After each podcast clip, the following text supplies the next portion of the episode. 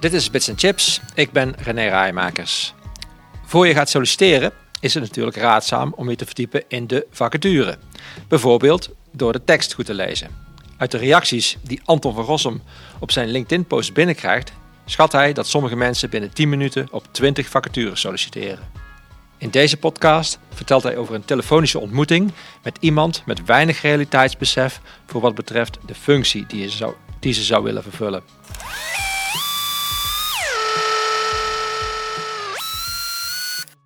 Anton. Anton, je hebt laatst een column geschreven, dat is alweer toch al een tijdje geleden, een jaar ongeveer, over een Noord-Afrikaanse vrouw. Iemand die best wel uh, ambitieus is. Ze werkte eerst in Noord-Afrika, is uh, ook voor haar werk naar Dubai gegaan en ze werkte een tijdje voor een Nederlands bedrijf. dus ja. ze had best wel een grote verantwoordelijkheid. Uh, schrijft ze in haar vraag, onafhankelijke jonge vrouw, 36 jaar oud, 15 jaar ervaring en ze had een BBA, een Bachelor of Business Administration. Ja. Kun je eens vertellen hoe dat gegaan is? Uh, ik begrijp dat ze in eerste instantie heeft gesolliciteerd op een functie in de chipindustrie. Ja, um, nou goed, daar solliciteren natuurlijk veel mensen uh, mm -hmm. op uh, rollen um, waarvoor ik adverteer. En um, ja, die mensen, daar kijk ik altijd of zij A, of zij voldoen aan de criteria voor die rol. Mm -hmm. En B, kijk ik, als ze daar niet aan voldoen, uh, of ze wellicht op een andere rol zou kunnen passen. Ja, maar in dit geval... In dit geval niet. was er gewoon geen enkel aanknopingspunt. Ja. Nee. Wat gebeurde er toen? Nou, toen uh, heb ik haar dat laten weten. En toen heeft ze me daarna een uitnodiging gestuurd voor LinkedIn. En die heb ik geaccepteerd. Mm -hmm. En toen heeft ze mij uh, geschreven van, goh, misschien dat u mij uh, verder kunt helpen. Mm -hmm. En toen heb ik geschreven, nou, ik weet niet zeker of ik dat kan, omdat ik, uh, ja goed, ik zit niet in de supply chain management en in compliance management en dergelijke, of tenminste althans niet in het algemeen. Kan wel eens een keer een specifiek geval voorkomen, maar um, ook haar hele achtergrond in welke industrie dat zij gewerkt had in de handel, ja, dat had heel weinig aanknopingspunten. Mm -hmm. Um, dus, uh, uh, maar ja, goed, uh, ik wil er altijd wel te woord staan. Nou, toen ja. heeft zij mij opgebeld. En toen leerde je haar eigenlijk pas echt kennen? Ja, ja ze was ja, nogal teleurgesteld in veel mensen in Nederland, met name, denk ik. Want die beoordeelden haar alleen op haar uiterlijk. Um, want ze is een uh, knappe jonge vrouw. Mm -hmm. En um, ze voelde zich eigenlijk meer als een uh, seksobject benaderd. Mm -hmm. Ze toont zich daarover heel uh, verongelijkt. Hè? En ze voelt zich niet serieus genomen. Ja. Ja. Um, ze had het gevoel dat interviewers of de interviewer zich, haar zat uitkleden met zijn ogen. Ja, dus ik, ik vroeg, uh, goh, wat heb je al gedaan uh, om aan een nieuwe baan te komen? Want ja. haar contract uh, uh, werd beëindigd uh, bij, bij haar werkgever. Eigenlijk had ze verwacht uh, daar te kunnen promoveren. Dus een promotie te kunnen maken. Toen ze dan niet voor een aanmerking kwam, eigenlijk heeft ze er een conclusie getrokken. Ging ze. En toen heeft ze ergens anders gesolliciteerd. En ja, zij vond dat ze niet serieus werd genomen door ja. de interviewer. Heb je enig idee waarom dat ze zeg maar haar, haar, haar rotzooi eigenlijk meteen bij jou op de, op de deurmat neerlegde. Nou, ze had duidelijk heel veel aan mij mee te, mede te delen. Ja. Want ze was ja, behoorlijk uh, uh, overstuur, mm -hmm. mag ik het zo zeggen. Ze sprak op hoge toon, uh, lange zinnen op hoge toon, met veel uithalen over het racisme en het seksisme. En dat zij onderschat werd en dat ze zulke ja, simpele baantjes kreeg aangeboden en uh, terwijl zij veel meer in de mars had. En in het verleden had ze zelfs ja, op hoog niveau, uh, recht net onder de CEO had ze gewerkt in Afrika. En nu moest ze dan maar ergens met een bureaubaantje genoegen nemen. En dat, uh, dat pikte ze niet. Dus ze zoekt eigenlijk een, dus bij voorkeur dan, dat was, zag zij dan als aanknopingspunt met mij, een baan in de high-tech industrie. En dan bij voorkeur op C-level. Ja. Dus, ja, dus uh, ja. uh, kunnen we zeggen dat dit een totaal onrealistische kijk was op haar, op, op zeg maar, wat, wat zij zou kunnen? Ja, dat is, dat is niet realistisch. Nee, dus uh, sowieso in de high-tech industrie heeft ze helemaal geen ervaring. Althans niet uh, dat soort rollen. In de, de innovatieve maakindustrie bijvoorbeeld, nou, daar heeft ze helemaal nooit gewerkt. Nee. ze heeft eigenlijk uh, gewerkt bij een bedrijf wat allerlei ICT-producten vermarkt. Als we, als we eerst eens even teruggaan naar die emotie hè, en dat het gesprek, mm. dat ze meteen zeg maar, uit school klapt over ja. wat er allemaal niet is overkomen ik neem aan dat dat niet het meest verstandige is om dat meteen naar voren te brengen als je met iemand uh, uh, over een nieuwe baan praat. Nee, dat is het ook niet. Maar uh, ja, goed, ze doet het wel. Goed, nu moet ik zeggen, dat overkomen wel eens vaker. Mm -hmm. Ik zeg niet dat, dat mensen emotioneel zijn omdat ze dingen hebben meegemaakt in hun, in hun werk of dingen meemaken. Ja, omdat, gewoon weg. Om, om, omdat sommige mensen ja, kennelijk uh, niet goed in hun vel zitten of in een situatie zijn beland uh, die ze niet meer onder controle hebben of dat ze misschien ook geen realistische visie op zichzelf en hun eigen capaciteiten hebben. Mm -hmm. ja, die mensen zijn er. Mm -hmm. En ik denk wat ook wel ergens een rol speelt is dat zij willen het natuurlijk maken haar omzwerving, als je daarnaar kijkt. Ja. ze is naar Dubai geweest, heeft ze een baan gehad. Ze heeft hier in Nederland een, korte tijd voor een Nederlands bedrijf gewerkt. Dus wel, wel degelijk ambitieus en wel, wel, degelijk ondernemend.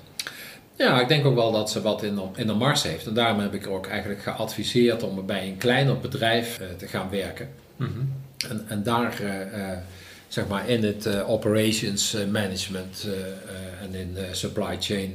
Bij voorkeur zou ik eigenlijk zeggen in de, in de, in de handel, want daar zit met name ook haar ervaring. Mm -hmm.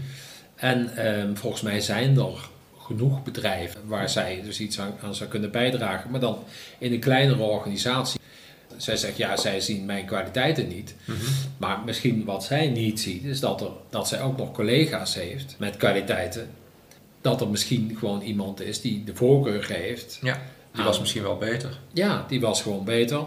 En uh, misschien was dat zelfs wel uh, een uh, totaal uitgemaakte zaak. Er was mm -hmm. geen discussie over.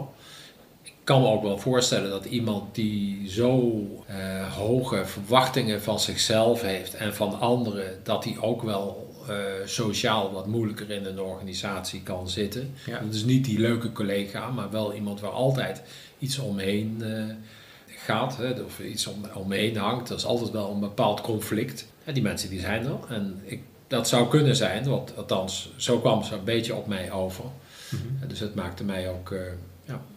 Jouw advies in dit soort gevallen, of mensen er nou naar luisteren of niet, ja. is van als je gewoon niet, niet in aanmerking komt of je wordt niet aangenomen op de job die je ambieert, doe dan een stapje terug ja. En bewijs je in een functie waar je wel goed tot je recht komt. Ja, natuurlijk. Ook al is het misschien een, een niveau lager. Ja, zeker. En uh, bovendien uh, werk aan jezelf. Mm -hmm. hè, en uh, vraag feedback. Ja, wat zou, zou zo iemand, deze vrouw heeft dingen meegemaakt die vond ze niet leuk, is, is daarover geëmotioneerd? Wat is in zo'n geval nou, wat zou je in zo'n geval moeten doen? Wat zij schreef over dat sollicitatiegesprek, mm -hmm. Uh, ja, daar kan ze weinig aan doen. Maar als uh, collega's uh, je zo benaderen mm -hmm. op een ongepaste manier, dan moet je daar werk van maken. Ja, en, als je seksistisch benaderd wordt, ja, ja. Ga, ga, maak er meteen werk van.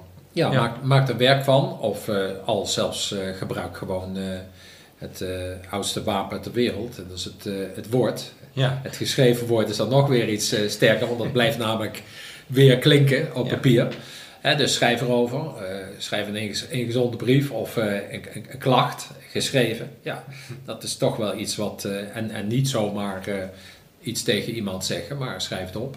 Ja.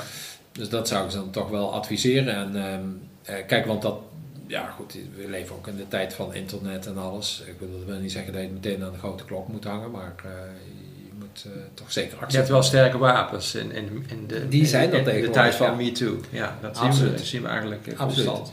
Komt het nou veel voor dat mensen solliciteren op functies die eigenlijk onder hun niveau of boven, ver boven hun niveau zitten? Ja, dat, ik denk wel um, dat dat heel veel gebeurt, ja. ja. Dat maak ik iedere dag mee. Iedere dag? Ja, absoluut. iedere dag. dat zal wel de helft van de gevallen zijn. Dat, ik denk dat het groter is. Ja, dus, dus, dus de raad om eerst even goed te, goed te lezen wat de functie inhoudt. En of dat wel bij je profiel past. Klopt, veel want, mensen... Ja. Want anders verspil je gewoon je tijd. Nee, maar goed, dat is ook een beetje wat internet met zich meebrengt. God, je hebt een aantal vacatures. nou, op LinkedIn bijvoorbeeld, je kunt echt gewoon door één klik door één muisklik kun je solliciteren. Nou, dat doen sommige mensen ook. En dan, die solliciteren gewoon 20 functies in 10 minuten. En dan kunnen ze onmogelijk alles van gelezen hebben. En ze hebben ook vaak geen idee als ik dan ergens op reageer.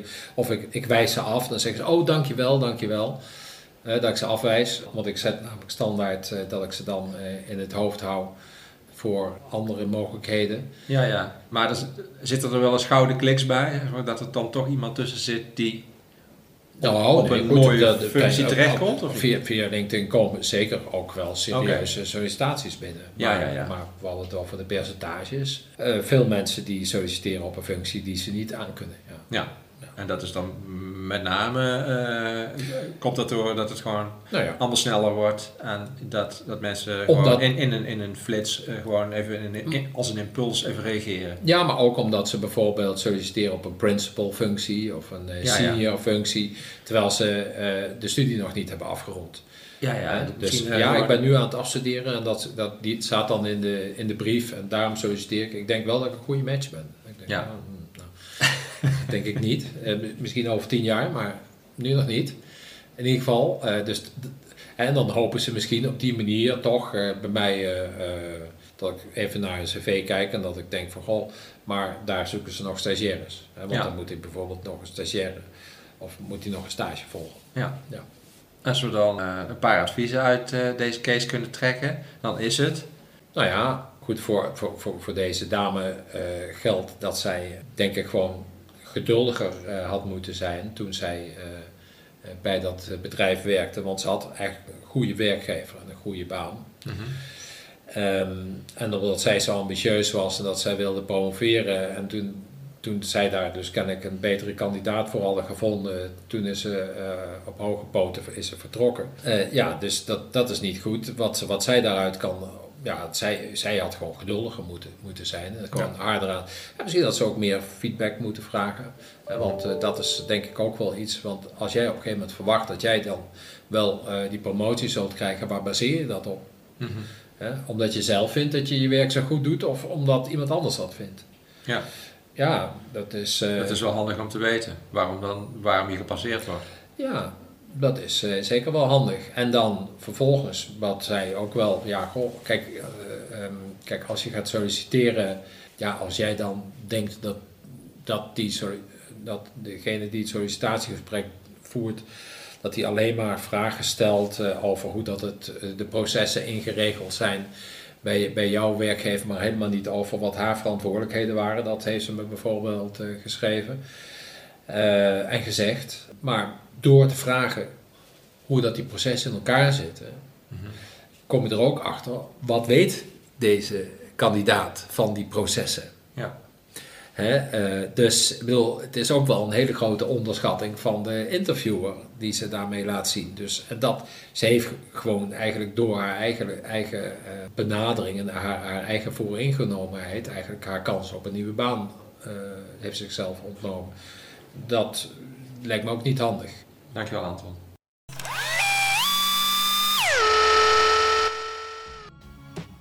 Dit was Bits Chips. Dank voor het luisteren.